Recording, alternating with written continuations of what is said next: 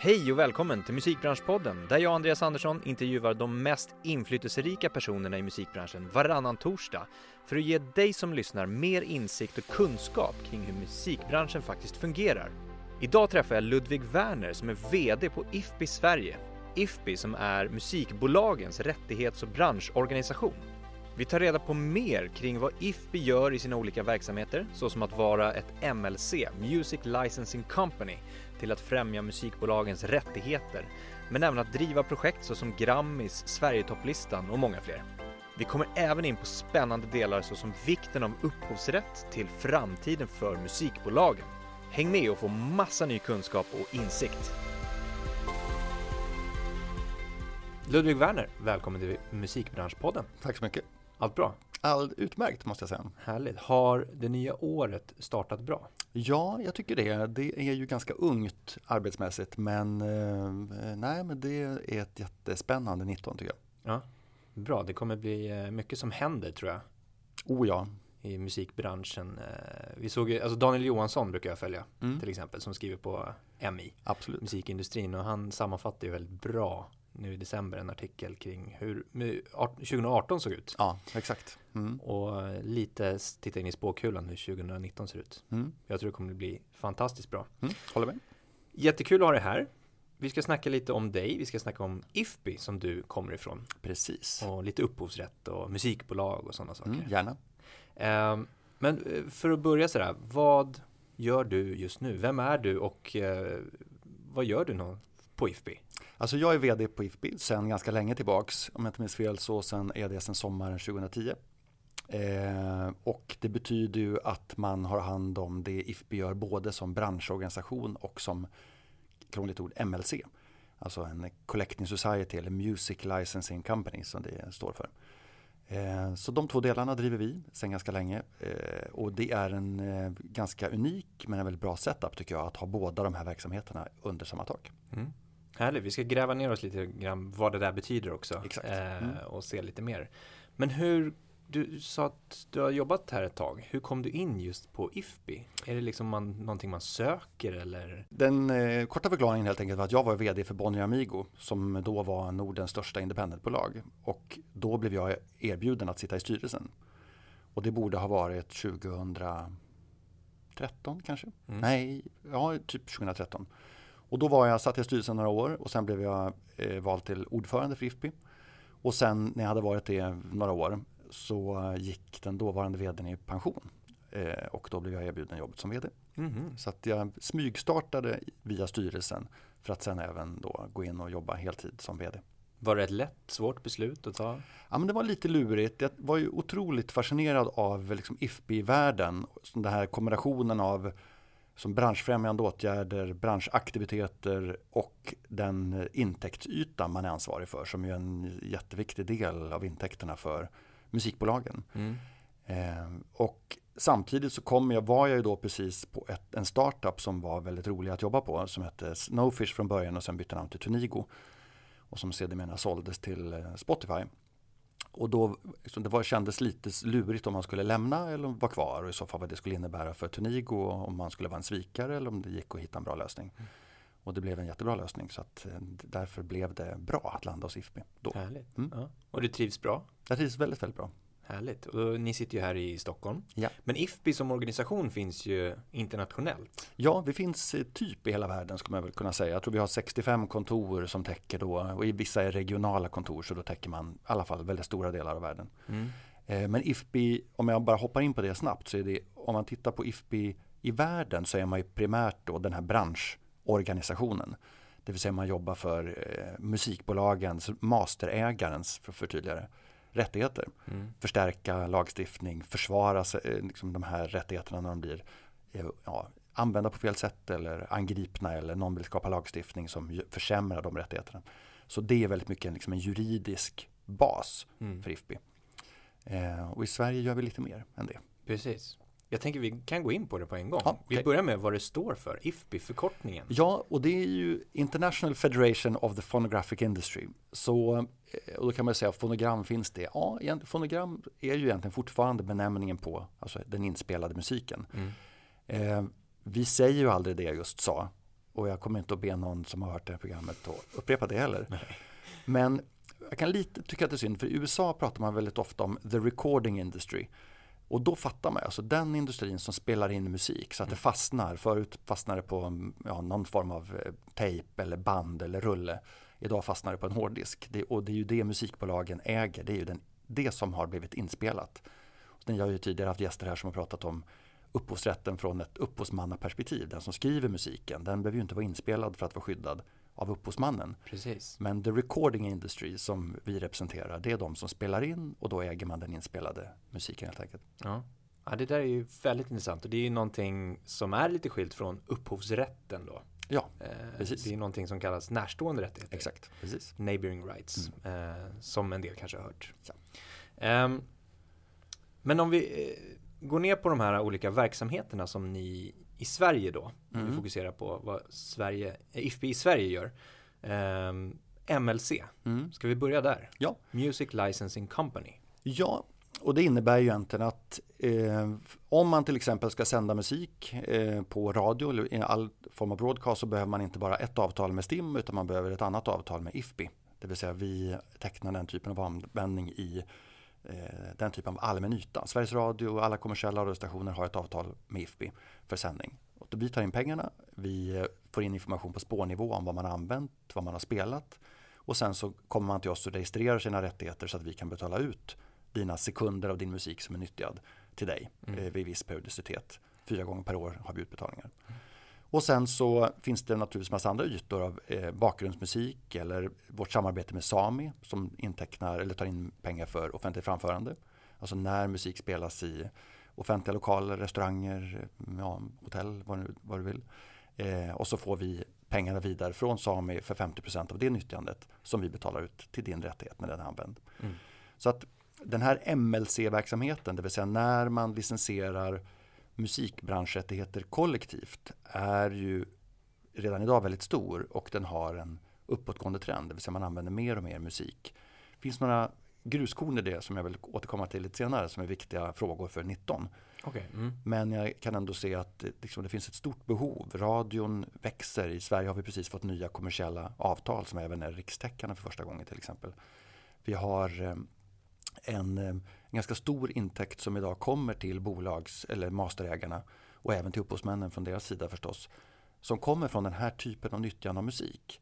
Och det är ju en trend som vi skulle dra ut en sån här axel, orka dra den till och med 20 år, så är det en ganska stor förändring hur stora intäkter som kommer från den typen av nyttjande och det här kollektiva licensierandet. Mm. Så vi ser det som en otroligt viktig del eh, i IFPIs fall och det är ju storleksordningen 150 till 200 miljoner som IFPI Sverige tar in på den typen av ersättningar per år. Just det. Och då delar ni ut dem till era medlemmar, är ju viktigt att Nej, um, alla som äger en rättighet. Alltså man behöver inte vara medlem. Just det, utan den, eh, sån distinktion får man inte göra. Utan alla rättigheter som används får pengar om det är nyttjat. Precis. För att vi ska veta om det så måste någon berätta för oss ja. att de har en master och var de bor någonstans. Och då går man in på IFB och vår hemsida och där klickar man sig fram till så att man ser hur man gör det. Men det, det är det som är det viktiga och det gäller ju även upphovsmannasidan. Man behöver ju någonstans registrera sina rättigheter så att de system som finns i drift för att hitta pengar, ta emot spellisteinformation om vad som har nyttjats, nyttjats för att sen kunna betala ut pengarna. Mm. Om vi går vidare då, mm. flera verksamheter som ni jobbar med? Ja, det här är då MLC-verksamheten och det är då det är kanske mer och mer fokus på det som det handlar om något så viktigt som överlevnadsmässigt pengar, intäkter för den som har skapat eller har en egen rättighet.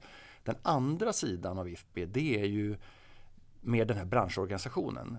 Och där gör ju vi, alltså grunden har ju varit väldigt mycket det jag sa tidigare att Ja, att försvara, liksom vara nästan den kollektiva försvarsbänken för den som äger musik, inspelad musik. Mm. Eh, när om vi hoppar tillbaka långt i tiden, så när det var Pirate Bay-rättegång i Sverige så var det vi som, eh, företrädde musikbolagens rättigheter. Istället för att alla indies och alla majors skulle sitta i rättssalen så var det IFPI som satt på plats kan man säga för just musiken. Eh, Eh, vi har haft en del andra sådana liknande fall när vi blir den nästan advokatfirman åt de som äger rättigheter. Men idag är mycket mer av tiden skulle jag säga till att antingen ha kontakt med lagstiftare både i Sverige och i EU. Vad som händer just nu är det en väldigt intensiv period för övrigt med det här upphovsrättsdirektivet som diskuteras i EU sedan ganska många år tillbaka. Eh, sen har vi ju massa vanliga aktiviteter, det vill säga vi ordnar Grammis ända sedan 1969. Vi gör topplistan sedan 70-talet. Vi sammanställer branschstatistik på musikförsäljning sedan 60-talet. Vi har eh, sådana här informationsträffar tillsammans med musikförläggarna som heter Off the Record där vi diskuterar branschfrågor. Vi publicerar musikindustrin som du nämnde refererade till tidigare, MI eh, tillsammans med musikförläggarna där vi helt enkelt är Sveriges nyhets online-magasin för vad som händer i musikbranschen. Sånt gör vi. Eh, alltså vi försöker vara både en källa till information eh, och även utbildning som vi kanske återkommer till lite separat men vi har även tillsammans med DMG gjort en utbildning för att våra bolag ska bli ännu bättre på det de redan är ganska bra på. Exakt. Så eh, vi försöker engagera oss med en ganska liten personalstyrka på väldigt många ytor som har med branschens förbättring eller liksom olika typer av ytor att göra. Eh, och allt det går ju då under branschorganisationsparaplyet IFPI. Exakt. Är det unikt för just Sverige eller finns det flera andra länder som jobbar med lite liknande delar? Ja men det finns det. Alltså det, är inte, det är ovanligt men det är inte helt unikt. Men jag, jag, tycker att det är eh, på många sätt en väldigt god kombination i ett litet land där man ändå har ganska begränsat med resurser. Så har vi också sett att det blir, alltså det blir bättre ekonomiskt liksom, planerat om man kan förena de här två olika verksamheterna. Ehm, så vi tycker i alla fall än så länge att det är en väldigt bra kombination att göra båda delarna. Mm. Men eh, jag tänker på det här med Grammis. Jag tror en del undrar och en del ser nog IFPI som, ja men det är Grammis och sen så de samlar kanske in lite pengar här och var. Mm. Ehm, men, men hur kommer det sig att ni driver Grammis?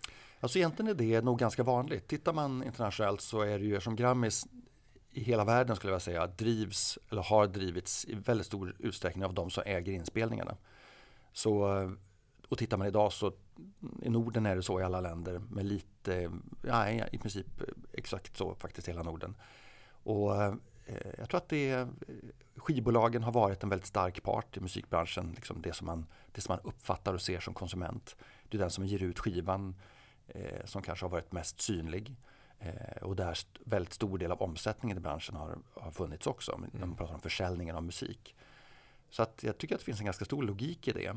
I vissa länder har man väl sett kanske att man gör mer gemensamt, det vill säga att man har andra rättighetsägare som också är del, både arrangör och finansiär av den typen av liksom, eh, eh, award ceremonies. Men, men i, i, Sverige har det fortsatt att vara IFPI som gör det här med olika partners. Vi har gjort det både med tv och utan och vi har gjort det i public service och i kommersiell tv.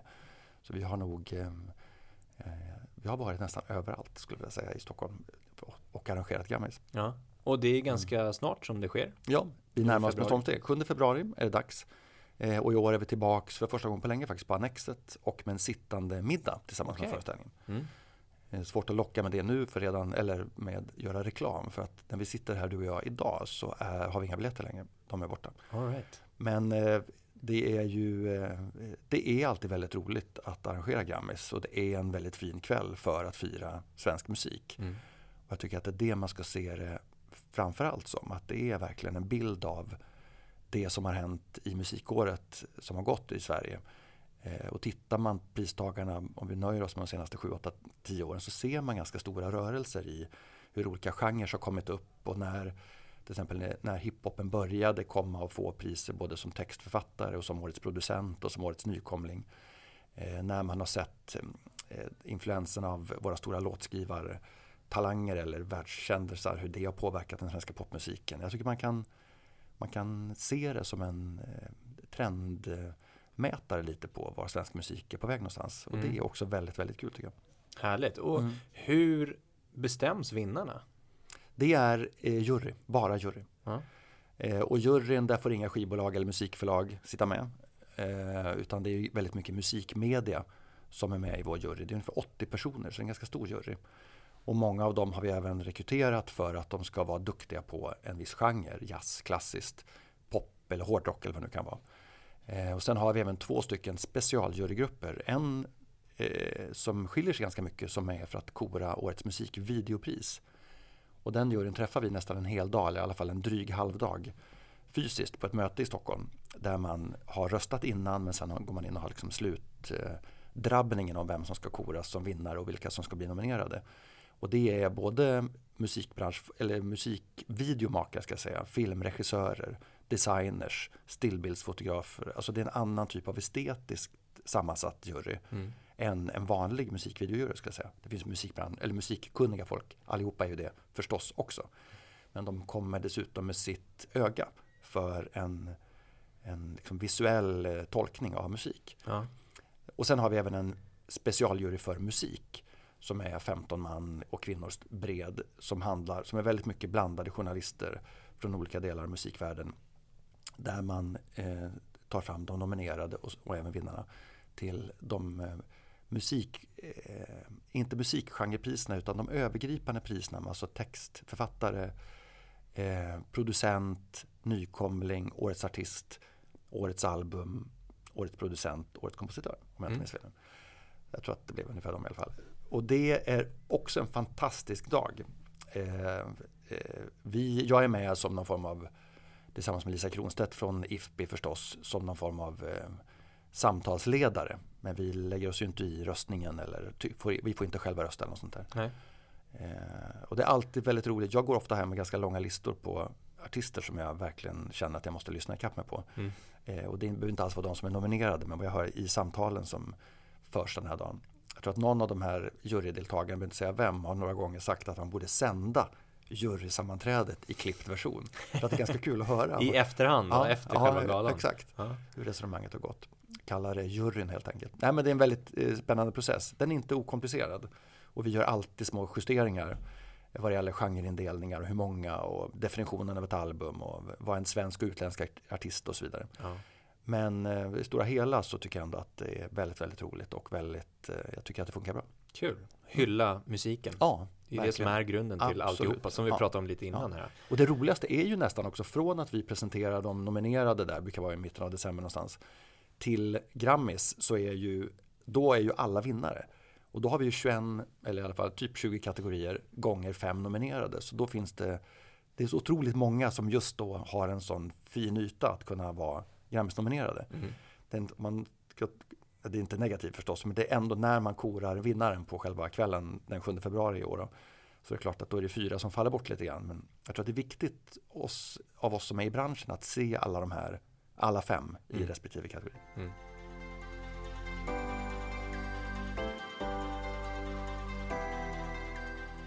Då har vi gått igenom MLC, vi har gått igenom Grammis, vi har gått igenom lite vad ni gör för någonting och hjälper musikbolagen och branschen. Ja. Um, vad är det svåraste tycker du att förklara när det gäller IFPI? Vad är det liksom det svåraste att få fram när du beskriver vad ni gör för någonting? Jag kan nog tycka att, alltså generellt så kan jag ibland tycka att det är svårt att prata upphovsrätt. Eller jag tycker inte att det är svårt att prata upphovsrätt, men jag kan, tänka, jag kan tycka att folk tycker att det känns jobbigt att prata upphovsrätt. Mm. Ehm, Hoppas att det inte bara är mig det är fel på, men jag kan känna att det är, det känns som det är, det är nog jättekrångligt och det är säkert supertråkigt. Alltså det är lite, den känslan kan man ibland känna. Fast det är så centralt för vår typ av bransch. Ja. Eh, jag tänker inte ha någon upphovsrättsföreläsning nu, jag tycker inte det passar. Men jag kan känna någonstans att jag tycker att det är otroligt viktigt som, som kreatör att känna stolthet för vad man har gjort och mm. känna att det är meningen att man ska göra det. Och någonstans där, i den rätten att därför bestämma över vad man gör med sitt verk, så kan man definiera upphovsrätt. Mm. Man behöver inte gå in på vad det står i lagboken, utan bara det att du har rätt att säga nej till vissa nyttjanden som inte du tycker känns rätt i hjärtat. Mm. Det är en del av upphovsrätten. Mm. Och den ekonomiska delen, det vill säga att det är du som har all intäktsrätt till ditt verk, är också en del av upphovsrätten. Den kan du förvisso då sälja vidare till någon. Du kan be ett musikförlag eller ett skivbolag förvalta det här åt dig. Men den är ju din mm. ändå. Mm. Så finns det inget sånt, något sånt avtal så har du alltid rätt att bestämma själv. Och jag tycker att man skulle inte behöva göra det krångligare än så. Jag kan känna att en del av upphovsrättens eh, motståndare, för det finns ganska många både politiskt och internationellt och svenskt, handlar relativt ofta om antingen okunskap eller att man faktiskt har en annan agenda. Och den är i så fall emot den som är kreatör. Mm. Det låter ju otroligt svartvitt lätt att beskriva på det sättet, men jag skulle säga att det är så. Det vill säga om det finns folk som tycker att upphovsrätten i, är i vägen för moderna affärsmodeller eller för alla allmänhetens musiknyttjare så tycker jag man ska fundera på varför säger de så? Det vill säga vad har de själva i så fall för affärsmodell som skulle må bättre av att det inte fanns upphovsrätt. Det vill säga att de inte behövde söka tillstånd hos dig som har skapat det här verket för att kunna exploatera det. Och jag, utan att gå in på den politiska diskussion vi har just idag och som kommer att ha ganska stora påverkningar under 2019, det som görs i EU nu, så tror jag att man behöver inte vara så vare sig cynisk eller så konspiratorisk för att liksom, eh, gå tillbaka till källan. Varför tycker någon att jag ska ha mindre kontroll över min, mina rättigheter? Varför gör man det? I regel så kan man väldigt ofta hitta att det finns ett annat affärsintresse som står emot dig som kreatör mm. i det affärsintresset. Så det är någonting som jag tror är, kan vara lite svårt med IFPI. Det vill säga att det är lätt att säga att IFPI nog bara, gör bara vad de stora skivbolagen tycker. Ja. Eh, och för det första tycker jag det är viktigt att veta att i Sverige så är det ju inte bara de stora skivbolagen utan våra medlemmar, vi har ju ungefär 50 medlemmar i Sverige varav tre är de stora skivbolagen och de andra 47 är små skivbolag. Och det andra är ju förstås att i en, i en fungerande ett fungerande musikbransch-ekosystem så är alla beroende av varandra. Det gäller ju, och det är inte någon liksom mysig liten sån här samkvämstanke utan jag tror bara att vi har olika typer av rättigheter och vi har tydlig, olika typer av kreativ yta som är relevant i musikbranschen. Det är väldigt svårt att driva skivbolag utan artist och det är väldigt svårt att vara artist om det inte finns en låt att spela in. Och det är väldigt svårt att vara konsument av musiken om det inte finns en inspelning så att du faktiskt kan höra den här. Och det är väldigt svårt att promota en artist som vill åka på turné om det inte finns en inspelad musik att spela i radio eller tv eller på internet eller någonstans. Så på det sättet så är vi alla del av en bransch. Vi kommer alltid att kämpa lite om vem som har störst andel av vissa ersättningar men det, det tror jag man får hacka i sig. Det är, det är inget konstigt. Men jag tror också att det är viktigt där att ha en väldigt stor respekt för alla delar av liksom rättighetskedjan mm. inom musikbranschen. Mm. Och det är också en del av det här den liksom kreativa kärnan. Att den, den är liksom oföränderlig eh, och den, den finns ju oavsett om det finns ett musikförlag eller ett skivbolag eller ett, ett IFB eller STIM. Eh, vi, vi jackas ju ofta på lite senare när det faktiskt börjar närma sig professionell verksamhet. Och därför kanske vi inte heller är IFB kanske inte är så relevanta förrän det blir mer bransch av det du gör som artist säger vi, eller mm. som, som ett litet bolag. Och det gör oss inget. Alltså vi behöver inte, vi behöver inte prata med skolungdomar om vad IFPI gör. Vi kanske vill prata om vad, vad musikbranschen kan vara mm. eller hur man, hur man gör en inspelning eller vilka rättigheter den här upphovsrättsdiskussionen på olika plan kan man ha ändå. Men jag tror inte att vi behöver liksom inte slå för bröstet och ha så en stor eh, behov av att sprida någon form av IFPI gospel. Nej. Så kanske också därför man träffar på vårt lite krångliga namn lite senare. Mm. Så kan det vara kanske. Ja men verkligen. Jag, jag håller med om det här med, med lite grann okunskapen eller just att man, man krånglar till det när man tänker upphovsrätt. Många som man pratar med känner bara att det är väldigt jobbigt ord eh, att ta tag i. Mm. Men istället att se det som Alltså, du behöver inte krångla till det överhuvudtaget utan det handlar precis som du säger om dina rättigheter mm. eh, och vad du har rätt till att göra med en låt till exempel. Ja. Och jag tror också det här att man, man behöver inte krångla till branschen för mycket heller utan man kan dela in det i Ja men som vi brukar prata om, tre stycken olika pelare. Att man har men låten i en och allt som händer runt omkring låten. Mm. Med upphovsrätten, med inspelningen som sen, du var inne på det också. Allt som händer kring inspelningen och sen live-delen. Mm. Om man delar in det, de tre benen eller pelarna och sen bryter ner vilka aktörer som finns i varje pelare och vart finns jag någonstans så behöver man egentligen bara kunna att det finns. Sen kan man ta reda på det ja, allt ja. eftersom. Mm, det finns ju jättemycket information. Ni har ju bra information, mm. STIM har bra information, Sami, musikbolagen. Eh, och, och liksom ta reda på det sen när det behövs mm. och ha en övergripande bild. Mm, håller med. Vad är det vanligaste missförståndet kopplat till eller gällande IFPI? Alltså jag, tror inte det, jag känner inte till något sånt missförstånd. Det är möjligen, eh, om jag vänder på den frågan och ställer, alltså vad är det som jag tycker är viktigast att man vet om, om vi pratar om att man äger en, en, en inspelning, mm. det är att för att maxa de intäkterna som faktiskt redan genereras på just din inspelning för att du vet att den spelas på radio eller i olika andra liksom, offentliga sammanhang det är ju att berätta för oss att den här inspelningen finns. Mm. Och gå in på vår hemsida som jag sa tidigare och registrera den så att det står ditt namn eller ditt bolag kopplat till den här masterinspelningen och vad den heter och för, helst vad den har för ISRC-kod och sådana saker också. Så att när de pengarna kommer in till oss att du får dem utbetalda. Mm. Och vi spar pengar i fem år så att det måste inte göra samma sekund. Men det tror jag är en av de viktigaste sakerna i det här stora ekosystemet som vi är inne på som är musikbransch när det väl blir bransch. Det är ju också att vi är en av de flera instanser där du behöver ha en relation eller ett konto eller en registrering av ditt verk för att du ska få alla de här små bäckarna av intäkter som faktiskt finns. Mm.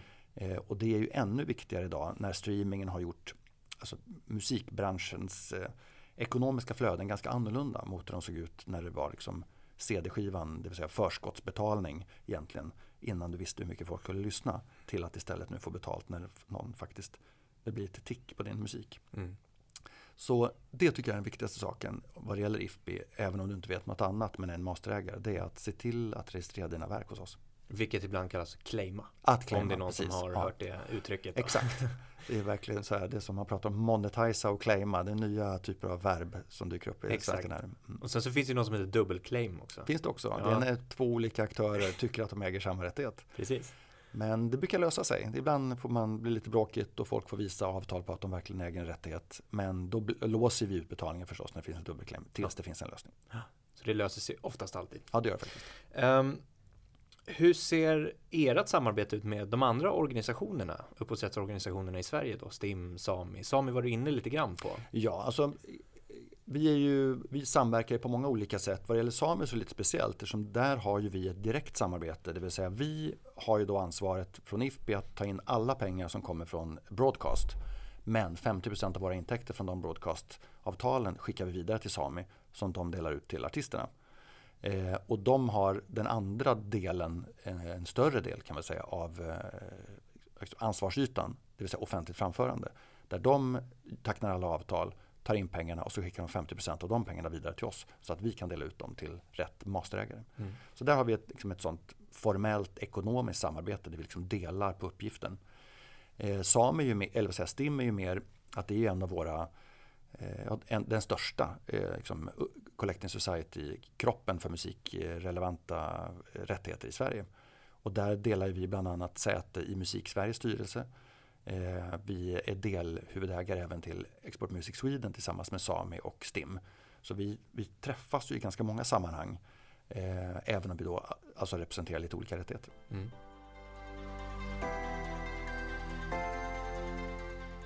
Jag tänkte vi ska bara gå in lite mer på vad du har gjort. Ja. Och prata lite mer om dig. Mm. Du kommer ju från en skivbolagsbakgrund kan man väl kalla det för. alltså, egentligen är jag faktiskt förläggare först. Okej, ja, För- börja. Ja, nej men jag, eh, när du, jag såg din fråga så slår det mig just att det är mitt, jag är ju, har ju precis passerat mitt 25-årsjubileum i branschen. Okej. Det vill säga jag började på förlag 93. Mm. Eh, jag tror att jag samma vecka fick reda på att jag, jag gick ut i Uppsala ekonomi, fick reda på att jag skulle bli pappa och gjorde min första dag på Air, som då hette Air Music Scandinavia på Vallallavägen. Så att det var en hård, en, en kul vecka. Vilken inledning. Ja, eller hur? Ja, bra. Nej, men, så att där började jag hos Lasse Wigman på Air Chrysalis. Och det, det som var bra med det, det var att han var ju både skivbolag, notutgivare och musikförläggare. Och då var ju även Sture Borgedal runt och han hade ju startat Air Music tillsammans med George Martin som var Beatles producent på 60-talet. Så det var liksom otroligt mycket historia och ja, coola rättigheter i huset helt enkelt. Mm. Eh, och där jobbade jag med noter. Så att jag hade gitarr på rummet och testspelade våra så pop 94 när vi gjorde så här typ eh, Most Wanted eller eh, Absolut fast i notform på ett poplåtar. Men testade så att noterna var korrekta eller? Ja, så att det var bra ackordanalyser. Jaha. Men jag vet inte om jag, inte var, om jag var skickad att göra det, men jag gjorde det i alla fall. Men det var väldigt kul, så då gjorde, vi lite, gjorde jag sånt. Och sen så jobbade jag på skivbolag, för sen gick jag till nu startade MCA som försäljningschef, som sen blev Universal. MCA var ju det lilla, lilla majorn. Eh, som sen köpte Universal Studios och bytte namn, fast man var fortfarande lilla Universal. Mhm. Och sen så köpte man Polygram, som då var världens största skivbolag, och då blev man stora Universal typ 99 eller något sånt där. Eh, och sen var jag på lite startups. Eh, Eh, jag blandade bland annat, jag var på en liten startup som heter Fem Studios som gjorde webbsidor för artister. Jätteinne år 2000. Gick väl inte så bra kanske, men det var en kul resa i alla fall. Eh, och sen så därifrån så kom jag till Bonnier, Amigo, som då var, eh, eller eh, fortfarande verkligen var ett otroligt häftigt bolag tycker jag. Med en enorm blandning av liksom, ytor musikaliskt. Från att man var distributör av galet mycket olika märkliga lablar men med enormt hög svansföring, alltså typ ECM eller ACTA, så mycket jazzsidan. Man jobbade mycket med folkmusik på Amigo. Eh, och man hade mycket pop, vrålpop via Bonnier-labeln. Så att det var verkligen en enorm blandning av liksom ett musikhus. Så att det var väldigt, väldigt kul. Mm. Eh, och där var jag i fem, sex år fram till 2008. Och det var då jag började jobba med den här, en annan startup som då hette Snowfish. Där vi fick ändra affärsmodell några gånger för, liksom, innan vi prickade lite mer rätt i alla fall. Och sen bytte vi namn till Tunigo eh, och gjorde spellistor. Prim, först till alla men sen mer och mer till Spotify. Och sen såldes det bolaget till Spotify. Och då hade jag redan börjat hos IFPI. Eller jag, hade, jag gjorde ju parallellt. Jag satt, ja, satt i styrelsen eh, på Tunigo Snowfish fast jag hade börjat jobba på eh, IFPI. Mm. Så att jag har någonstans blandat från förlagsbasen med skivbolag har ju hela tiden varit med liksom det har återkommit i form av både Universal-åren och Bonnier Amigo förstås. Eh, men det var ganska kul också att blanda med de här startup-perioderna. Även om det är alltid ganska bumpy och alltså det handlar ganska mycket om att överleva som liksom musik, tech, startup eller vad man ska kalla det. Men det har också varit oerhört kul tycker jag. Mm. Lärorik kan jag tänka mig ja, också. Och super, få med sig massa ja. bra kunskap. Ja. Så eh, ja, men det är lite snabbt då vad jag, vad jag gjort. Och, nu, ja. Mm. och om man går in på det här med styrelsearbetet, att sitta i IFBs styrelse till exempel. Vad innebär det? Ja, det innebär ju egentligen att man hanterar den här typen av frågor som jag var inne på tidigare. Oavsett om det handlar om huruvida man ska, eh, hur man ska jobba med lagstiftningsfrågor till hur man ska göra Grammisarrangemang till att man, eh, vilka alltså bilaterala avtal man har i form av MLC-verksamheten, alltså hur man gör utväxling med andra länder till exempel. Det där har ju också förändrats lite grann nu för nu har vi en mycket tydligare lagstiftning på plats bara sedan januari 2017. Alltså CRM-direktivet. Låter på tal om att folk tycker att det är jobbigt att veta vad IFB gör men man pratar, det tror jag gäller oss alla upphovsrättsorganisationer. Vi pratar om direktiv då, då vänder ju folk och käkar lunch med någon annan. Men jag tror ja. i vår värld har det varit jättemycket jobb med. Eh, och som bransch i hela världen eller hela EU så har det varit en, en, ändå en väldigt viktig fråga. Att ha en, ett direktiv på plats som ser till att vi som är Collecting Societies har samma ramregelverk att förhålla oss till. Mm. Eh, det har naturligtvis inneburit mycket jobb för oss också i Sverige att se till att alla vår, allt vi gör följer den här standarden och den, det direktivet. Men det finns säkert andra länder som har får göra ännu större förändringar. Okay. Och det tror jag är positivt. Ja. Så det är förstås också en del sånt som passerar i en, i en styrelse. Eh, till även rapporteringen vad man jobbar med för frågor i Musik-Sverige eller Export Music Sweden. Eh, till, eh, ja det finns en lång lista på frågor. Men det är exempel på saker som naturligtvis passerar via ett styrelserum. Mm. Härligt. Och under de här 25 åren i branschen, vad har varit det allra roligaste? Men det roligaste har nog varit det som var eh, jobbigaste, det vill säga den här stenhårda transformationen från en helt fysisk bransch som sen blev digital, trodde man, mm. fast den inte blev det. Alltså vi hade ju en lång period där alla pratade bara om digital musikbransch. Fast det fanns ju inga intäkter i digital musikbransch. Jag tror iTunes lanserades i Sverige, kan det vara sommaren 2005. Alltså ett antal år efter USA. Mm. Och då hände, var liksom, var på gång någonting i USA. Vi såg att deras andel av intäkterna började bli lite grann digitala. När även den vanliga försäljningen började backa. Men i Sverige så fick vi ju ett enormt prat om den digitala branschen. Och jag vet att Svenskan hade ett omslag på kulturdelen där någon gång som det var en dödsannons för CD-skivan. Närmast sörjande skivbranschen och sånt där. Mm. Men, eh, och den gick ner jättemycket men vi fick ingen, alltså det blev ingen nyförsäljning via digitala kanaler utan vår värld blev antingen köpte man mindre och mindre CD-skivor eller så var det piracy. Mm. Och sen blev det en digital bransch till slut när streamingen kom, alltså med start 2008-2009. Eh, och just nu känns det nästan märkligt att svara på den här frågan för att nu känns det här, alla tycker att det här är helt självklart. Mm. Och varje år när man har varit i branschen de här åren så har man sett så, så små skillnader alla fram, fram till 2010-2011 när det började gå riktigt snabbt för streamingens tillväxt. Men eh, ja, jag minns när jag pratade med Fredrik Ekander för länge sedan som ju sen blev eh, vd för Bonnier slash Cosmos och han bodde i England och då frågade han mig, men hur mycket omsätter svenska branschen nu Ludvig? Jag minns inte exakt vilket år det här kan ha varit, men kanske var 2008 något sånt där. Och då sa jag att den var då 800 miljoner. Då sa han, men Ludvig det är inte en bransch, det är en hobby. Och jag tycker att det var lite vad som, alltså det fanns en ganska svart syn just då på att det här går ju inte. Nej. Eh, men eh, det vände. Ja, för vi passerade ju 10 miljarder ganska nyligen va? Ja, det är i och för sig hela för musik hela branschen? Ja, ja men exakt. Så musik, musikförsäljningen på det live har också. gått upp med 50% sedan dess. Så Mm. det är ju, är ju väldigt bra tillväxt även på försäljningen av musik i Sverige sen just 2008. Mm. Jag tror typ bäst i världen faktiskt om vi pratar tillväxt i rena pengar. Om vi struntar i hur de sen, vart de går. Men eh, just då var det ganska mörkt. Mm. Och sen eh, helt plötsligt har det gått tio år ungefär nu då. Och nu har vi en helt annan bransch. Den är transformerad Det finns ett jättefint eh, diagram från eh, Musiksverige. Eh, Ja. Där man ser från 2009 till 2017 tror jag Något det är. Mm. Men där du ser den fysiska försäljningen på 80 85% någonting Mm. där 2009. Ja. Och 2017 tvärtom. Precis tvärtom. Då är det precis eh, 83-85% Ja. eh, streaming. Och det där har ju ändrat andra saker och det är ju först att erkänna att det har man naturligtvis inte all fakta om nu. Men jag tycker att en av de frågorna som, eh, som man kanske missar idag lite grann det är ju den analysen av hur vi lyssnar på musik.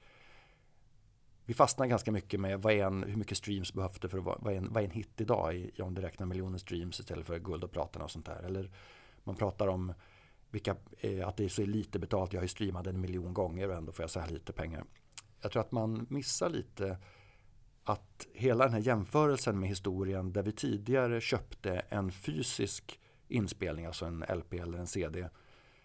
Att vi då hade en förskottsekonomi, alltså det du betalade för CD-skivan, om vi håller oss till den som ändå var den stora marknaden, så var ju det en ersättning för en möjlighet att om du ville lyssna på det här hur många gånger du ville i resten av ditt liv.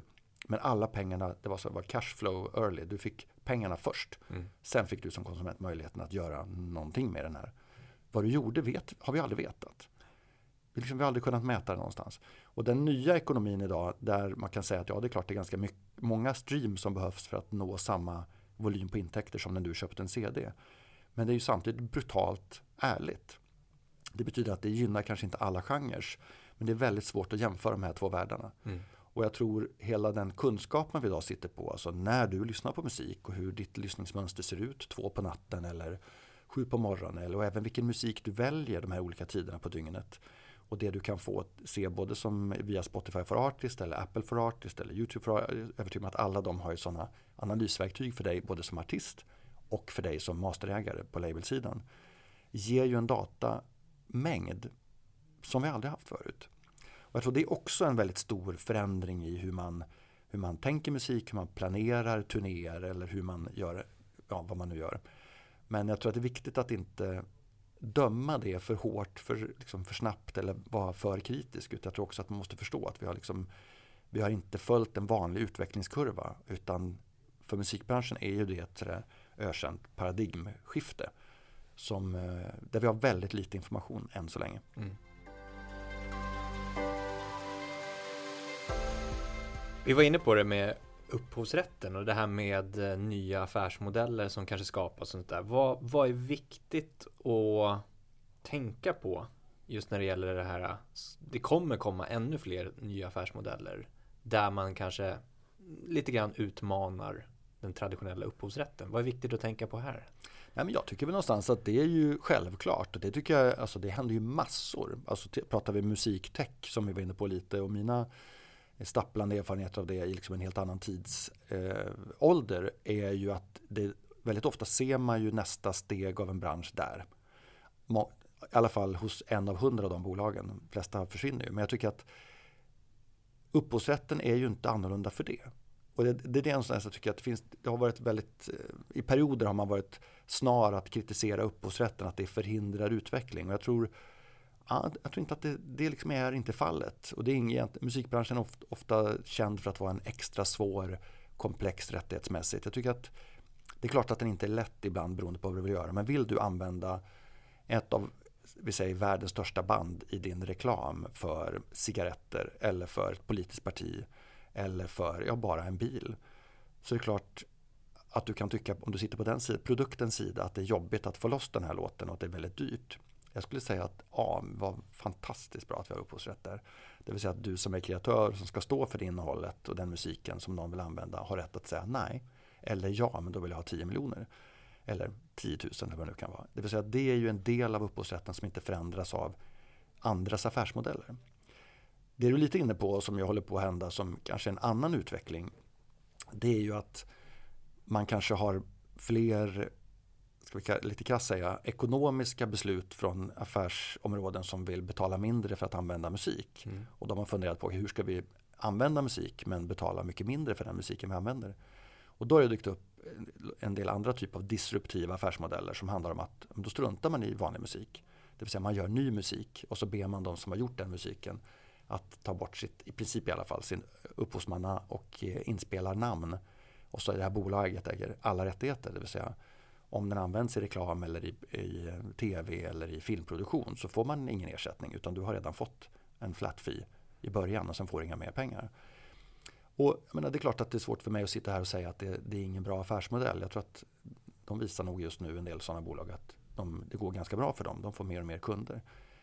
Men jag tycker att det är en farlig utveckling på andra sätt och det är ju att man lite utnyttjar en, en upphovsman som inte har möjlighet än kanske i karriären eller i vissa luckor i karriären där man vill ha, man behöver förstås betala hyra eller man vill ha intäkter. Och därför är man beredd att för en flat fee ge bort ett verk för resten av livet. Eh, och även om det går bra för det eller används i vansinnigt mycket en, liksom, sammanhang så får man ingen tilläggsersättning för det. Och man har dessutom anonymiserat det som har varit upphovsrättens grund, det vill säga den ideella rätten till att det är du Andreas som har gjort den här låten.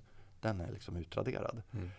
Och återigen, jag kritiserar ingen som väljer att säga ja till ett sådant förslag. Det måste, det måste ju du som individ kunna göra själv. Men jag hoppas att du ändå hör vad jag säger, att jag kan tycka att det är, det är lite läskigt. För det är ju inte ett beslut som bygger på att man vill använda bra eh, liksom unik musik i filmverk eller vad det nu kan vara någonstans. Utan det handlar väldigt mycket om att man, det är ett ekonomiskt beslut, det vill säga att man ska betala mindre pengar till upphovsmän för det, deras liksom, bidrag än annan musik. Mm, mm. Och då kan ju den som säljer det här nya verket billigare säga om jag får i alla fall betalt. Ja, fast hade någon annan riktig musik eller utgiven musik fått det jobbet så hade man fått lite mer betalt. Mm. Det vill säga det, det, finns en risk att det kollektivt leder till att man sänker värdet på musik.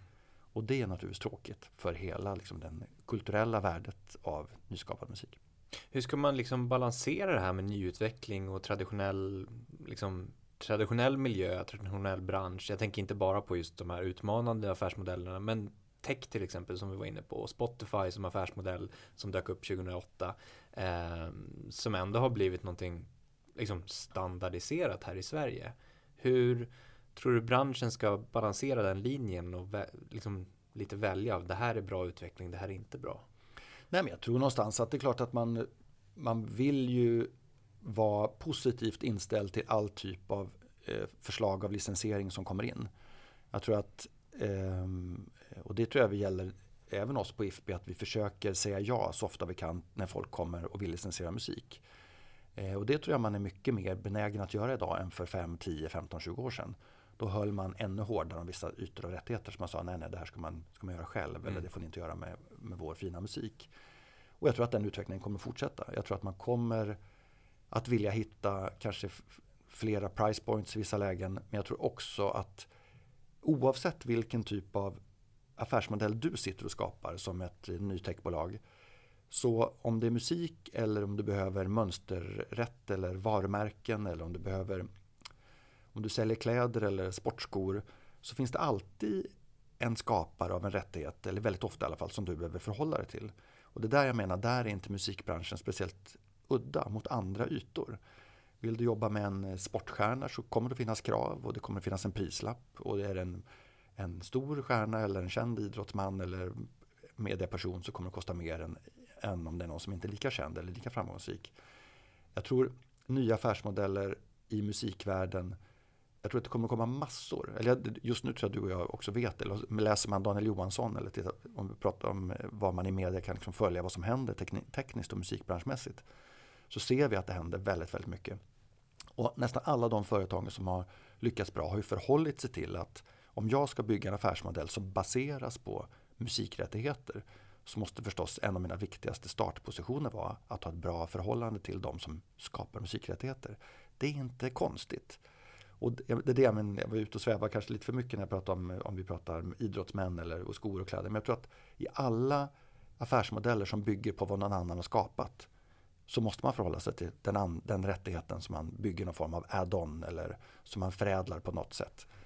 Eh, och det är inget konstigt. Och det betyder inte att det första man ska göra är att sänka eller försämra upphovsrätten och sänka priset på den typen av rättigheter. Utan fundera på hur du som nyföretagare ska förädla den här liksom, eh, grundmaterialet ännu bättre. Så att kunden ändå är intresserad. Spotify är ett jättebra exempel. Jag tycker att det finns andra jag tycker att det finns eh, bakgrundsmusiksvärlden finns det flera tjänster som har byggt väldigt spännande lösningar på hur man kan effektivisera och skapa bättre lösningar så att du som konsument får en ja, lite mer nästan scientific inställning till hur man spelar musik i varuhus och affärer så att det mm. passar dina kunder bättre och att det leder till mer försäljning. Jag tycker att det var jätteintressant den här eh, utredningen som publicerades innan jul där man såg att jag minns inte om det var Handels eller vem det nu som hade publicerat den. Man har undersökt att vilken hälsofara det var med att spela eh, sån friköpt musik för personalen på många arbetsplatser i Sverige. Det var otroligt intressant att ibland kanske inte bra, riktig musik bara är bra för dina kunder.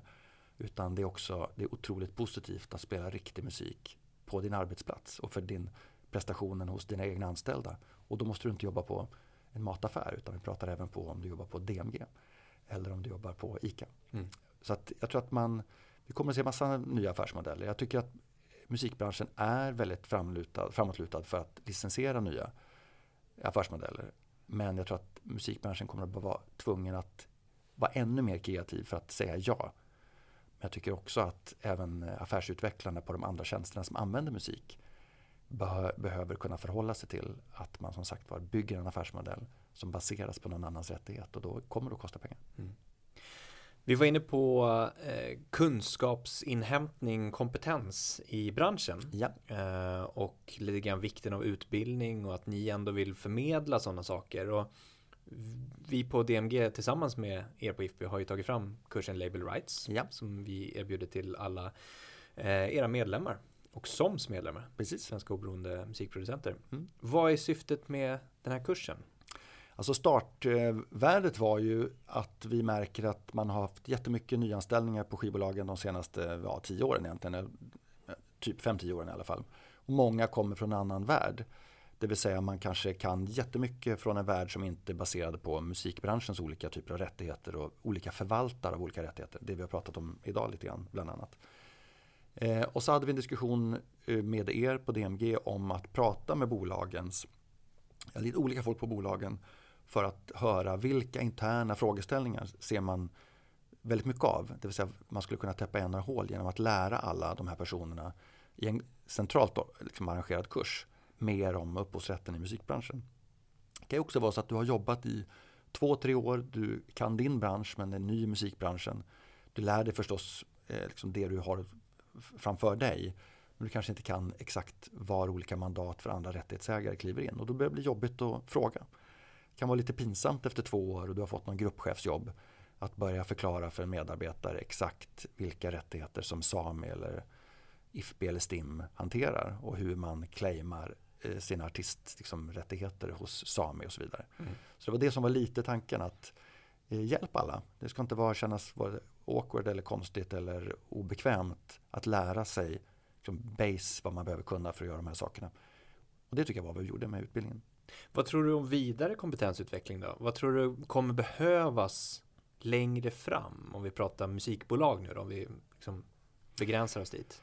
Alltså det är lite svårt att veta. Det finns ju, någonstans finns ju alltid någon form av eh, USP i att vara den som, som bolag som själv erbjuder sin personal viss utbildning. Om det nu handlar om, inte vet jag vad det kan handla om, eh, internationella rättigheter eller hur det fungerar i olika marknader eller eh, och sånt.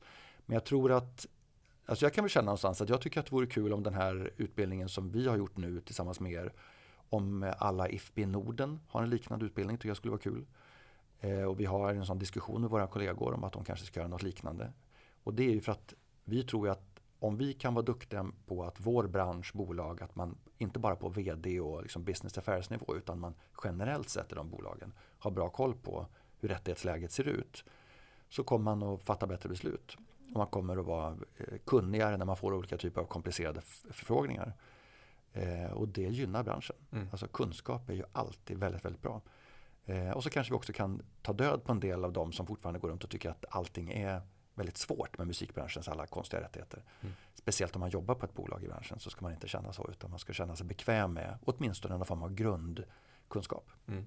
Ja, men jag tror att eh, har vi en kompetent bransch sprider det också seriositet att det är en seriös bransch till konsumenterna som lyssnar också och förstår värdet av musiken. Um, så att börjar man internt så kommer det generera bättre förutsättningar för musikbranschen som helhet, men för musikskaparna, men också för konsumenterna tror jag. Ja. Uh, så det är liksom en, en trestegsraket där, att ja. det, det, gynnar verkligen alla. Mm. Men om vi går in på uh, musikbolagen, ja. vad tror du blir deras roll? Det har ju förändrats väldigt, väldigt mycket de senaste tio åren. Mm. Vad tror du att det tar sig någonstans, som vi pratar tio år fram nu? i tiden? Ja, för tio år sedan så sa väl, det var ganska precis då Alexander Bard sa att om tio år finns inga skivbolag längre. Eh, och det skulle jag nästan vilja ha som startsvar på den mm. frågan. För att eh, musikbolag eller skivbolag, vi kallar det musikbolag för det är lättare. Och det är, det är en samling kompetenser som du behöver som artist för att kunna ha en karriär på, och att leva på den musik du skapar. Eh, om det heter Universal eller Cosmos eller om det är ett nystartat bolag som du startar med dina sju kompisar spelar ingen roll. Det är ju ett skivbolag. Det vill säga att du klarar inte att göra allting själv. Och jag tror att vi vill ju så gärna ha det här self-made eller någon som sjunger i någon talangtävling så att folk grinar eller att man lägger upp på Youtube och så blir man upptäckt i hela världen. Och det går förstås. Jag tror inte man ska ta bort den liksom, eh, moroten. Att det är klart att det kan bli så. Vi, vi kan hitta på några exempel ganska fort där man har kommit via den vägen också. Men nästan alla de exemplen kommer ändå till slut att landa hos att man behöver hjälp. Mm. Och jag tycker man ska se skivbolagen som hjälp. Det är både en finansiell hjälp och den kompetensmässig hjälp och den reach-hjälp. Så är du så att du ska göra internationell karriär så det är klart att du kan göra det från en indie. Det finns hur många exempel som helst. Men det är för att indisar väldigt ofta har nätverk i resten av världen så att de blir som en mini-major. Mm. Även om de inte har samma namn på sina partners i olika länder. Men de behöver också, det svenska bolaget behöver ha någon i Tyskland som, som hjälper dem i Tyskland. Och går det till Sony så har de ett Sony i Tyskland som kan ta dig dit vid behov. Och idag handlar det väldigt mycket om internationella lanseringar. Jag tror att om du pratar med alla svenska indisar så är ju naturligtvis det de gör, de sitter ju här men alla jobbar ju internationellt mm. eftersom de kan lansera allting globalt från dag ett om de vill eller om de har en, om en möjlighet att liksom rikta sig till en sån publik. Men jag tror det är musikbolagens framtid också. Eh, jag tror vi redan har sett de senaste 5, 6, 7, 8 åren en enorm massa olika typer av affärsuppgörelser. Eh, och det, så är det idag. Det finns, går inte att säga att så här ser det ut. Om du går till ett skivbolag så kommer du ha ett sånt här avtal och det fungerar så här och det här och så jobbar man med de här grupperna. Utan eh, jag tror att antalet olika dealar med olika villkor, licens, distribution, artistavtal. Eh, det är väldigt individuellt om hur man lägger upp det idag. Mm. Eh, och det kommer förstås att se ut så fortsättningsvis också. Ja, för det, vi var inne på det just det här med majorbolag och independentbolag och ja. att det finns tre stycken major idag. Ja. Men tittar vi tillbaka 20-30 år så fanns det ju otroligt många fler. Ja. Och gått ihop och köpt upp varandra eller mm. börjat samarbeta och mm. bytt namn. Och, Tror du att vi kommer få ännu färre framöver? Alltså, möjligen, jag hoppas inte det, ska jag säga eh, direkt. Eh, jag kan tycka, jag kan nästan ana att branschen själva kanske tycker det skulle vara kul om det fanns fyra eller fem igen. Men eh, jag tror inte att det blir färre, ska jag säga först. Jag tror inte att det blir två. Däremot tror jag kanske att de kommer att heta annorlunda framöver. Det pratas jättemycket nu om hur Ska vi Vivendi sälja Universal Music som en separat enhet? Har det varit snack om ett år. Eh, helt öppet, det är inte jag som sitter på någon speciell kunskap här. Eh, och Warner är ju redan en liksom, avknoppad indie major. De är ju som en major men de är ju faktiskt inte en del av hela Warner-koncernen sedan ganska många år tillbaka. Så att, eh, jag tror att det händer saker men eh, jag vet inte om det spelar så stor roll längre. Nej. Alltså jag tror att om vi börjar med att hålla oss här i Sverige och liksom utgå från här hur, hur liksom vår marknad tickar så är det klart att eh, nu har det sett relativt lika ut länge. Det som är väldigt spännande nu tycker jag det är att om vi gick tillbaka tio år när jag pratade om när musikbranschen var en hobby eh, så då var väldigt många av de oberoende bolagen som var liksom stora då, de köptes ju upp under åren som följde. Och så har ju ekohjulet i vår värld sett ut ända sedan 20-talet. Det vill säga att de stora bolagen med jämna mellanrum köper upp indiebolag och indiebolagen har i sin tur varit väldigt duktiga med örat mot marken att kunna sin musik. Mm. Och sen visar de framgång. De driver det 3, 5, 10, 20 år och sen blir man uppköpt och blir en del av en större enhet. Och så har liksom hjulet sett ut. Det är så majorbolag har vuxit och det är så nya knoppas av. Eh, och det ska startas nya. Man liksom finansierar att starta ett nytt bolag. Under ett par år så var det ganska dåligt med sånt för att det fanns liksom inga nya bolag att, att köpa. För det startades ganska lite bolag som blev tillräckligt stora för att vara uppköpsobjekt. Och lite anar jag nu, får vi fråga herrarna på våra svenska majorbolag, men nu tycker jag det känns som att ja, fast nu har det börjat hända. Alltså när marknaden har vuxit ett par år så finns det återigen fler aktörer. Eh, nya bolag som jobbar med i sina genrer och som är otroligt duktiga på det. Mm. Eh, och det hade vi inte sett på ett par år. Och det är ju en, en bransch, det är ett spännande framtidstecken tycker jag. Att vi ser en ny generation nystartade bolag. Mm. Spännande. Mm. Vad tror du om, eh, vi pratar lite framtid eh, nu, men vad tror vi om 2019 för IFBIs del och de utmaningar och frågor som ni kommer driva? Ja, var inne på det med risk då för att skrämma bort när vi pratar om det här. Vad är det du sa frågade förut, vad, vad tycker folk är svårt att förstå och så där med IFB. Så är ju copyright-direktivet som just nu diskuteras i EU. Jag ska inte tjata för mycket om det, men det är ju en stor, stor fråga. Mm. Eftersom, eller det måste ju till och med antingen vara löst eller vara lite, lite ut med badvattnet innan sommaren. Eftersom den här sommaren 2019 så är det nyval till Europaparlamentet. Det vill säga att betyder att kommissionen som just nu är chefar över EU, de avgår. Mm. Och det är, det, det är de som har kommit med förslaget på hur man ska lösa bland annat det som det pratas mycket om som heter the value gap. Alltså hur ska alla digitala plattformar som använder och sprider musik ha samma villkor? Eh, Spotify, och Apple och Deezer och Tidal och, och de betalar ju de har avtal med musikbolagen och med förlagen och så betalar de en ganska stor del av sina intäkter, 50, 60, 70 procent till rättighetsägarna. Och, så, och det gör inte YouTube. Utan de har en helt annan setup. Det vill säga de kör först och frågar sen lite grann om jag får vara lite så kort raljerande just nu. Idén från kommissionen är att lösa det, det här value gap. Så att man ska få lika villkor för alla digitala tjänster. Och det är det som händer just nu när vi talar, talas vid faktiskt. Mm. Eh, så vi hoppas att det finns en lösning på det. Så det kommer att vara någonting vi jobbar mycket med den här våren 19 det vore så bra om det, fick en om det blev en lösning på det här så att alla hade samma villkor. Alla skulle anpassa sig, för det vet vi att det är det som händer. Vi skulle se att alla som vill jobba med musikrättigheter i on-demand-tjänster, alltså att jämföra med när du liksom själv klickar på och så spelas någonting för dig. Skulle bolagen kunna anpassa sig till det ganska fort och då skulle även branschen kunna se till att man hade samarbeten över alla de här ytorna. Det känns som att läget med framförallt YouTube som vi pratar om här nu blir lite låst för det är en så otroligt viktig plattform. Och det är klart att det vore skönt om det politiska läget och det rättsliga läget var klarlagt så att vi kan få fortsätta göra business istället och, och jobba med bra samarbeten.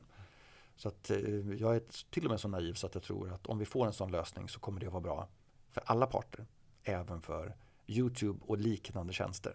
Om vi får ett rättsläge klargjort under våren 19.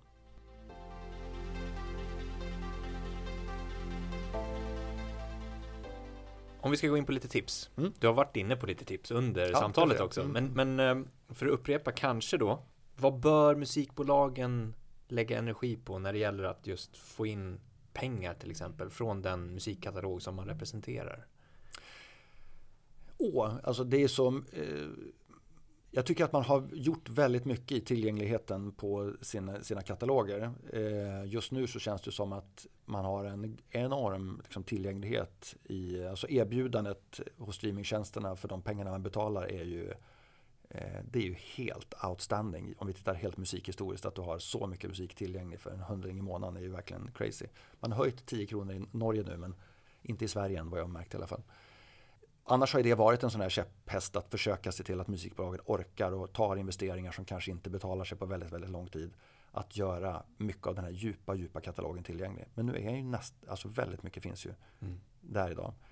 Jag tycker i övrigt att det som händer med en bransch som börjar gå bättre, det är att man blir kreativt modigare. För att det är fler aktörer som slåss om de rättigheter som dyker upp. Det vill säga om de nya artister som, som börjar poppa upp och som folk börjar bli nyfikna på. Och, så därför är ju någon form av Eh, kontrollerad högkonjunktur i musikbranschen är oerhört bra för kreativiteten. För då, då, då vågar folk, folk signa även den typen av band. Och det, jag tycker att vi har ett fantastiskt musikklimat i Sverige, men det är väl det man vill ska fortsätta. Det vill säga att man har en, en modig einar i att signa även det som inte är uppenbart eh, liksom topp 100 Spotify. Utan att få en, få en annan yta signad antingen via större bolag men också via små bolag. Och samtidigt som jag säger det så om man tittar på vad som släpps och vi håller oss till Sverige idag så är det ju det är en fantastisk blandning. Jag har ju tittat ganska mycket på nu inför Grammis till exempel vad som är nominerat. Och det är ju, det är, oavsett om vi tittar inom den liksom, inom jazzen eller inom eh, folkmusiken eller förstås inom de liksom, stora pop och rockgenrerna så är, är ju utbudet crazy. Det är ju mm. otroligt mycket bra saker som kommer. Så jag tycker om vi vänder på det till det lilla bolaget så ska jag säga att där handlar det jättemycket om i en IFPI-kontext att claima sina rättigheter. Det vill säga att se till att man har en relation med oss eh, så att man så fort man släpper ny musik skriver in vad den heter och vad den har för koder och allt sånt där. Så att så fort de pengarna kommer in till oss att vi kan betala ut dem till dig som rättighetsägare så att du får alla de intäkterna du behöver för att kunna driva din business. Det tycker jag är super, superviktigt. Bra. Du ska få en eh, fråga från föregående gäst, Jessica Brandt på mm. Universal Music Publishing. Och hon undrar då, vilken är din primära drivkraft i varför du jobbar med det du gör? Ja, och det eh, jag behövde inte fundera så länge, för jag såg den här frågan innan jag kom in här i det här rummet. Och det är ju så att när jag, jag har varit sån här musiknörd när jag var liten, eller väldigt intresserad av popmusik framförallt. Och när jag pluggade klart i Uppsala då 93, som jag refererade till förut, då fattade jag ett beslut. Jag sa att jag ska bara söka jobb i branscher där jag kan få ha med en del av min liksom, passion in på jobbet. Även om jag förstår att man på jobbet jobbade med andra saker, det förstod jag redan då faktiskt. Eh, så då så, jag sökte bara jobb i musikbranschen. Jag, sökte, jag skrev 14 brev minns jag. Och så gick jag på två intervjuer om jag inte minns fel, eller möjligen tre. Och så fick jag jobb hos Lasse Wigman på eh, Air Music Scandinavia på Valhallavägen som jag var inne på också. Och det är min drivkraft, inte just att söka jobb utan att, att ha med mig musiken in till jobbet. Jag kan tycka att det är, hur banalt det än låter, att, att ha den delen med sig, det vill säga att det är naturligt att man lyssnar musik även på ett IFPI-kontor.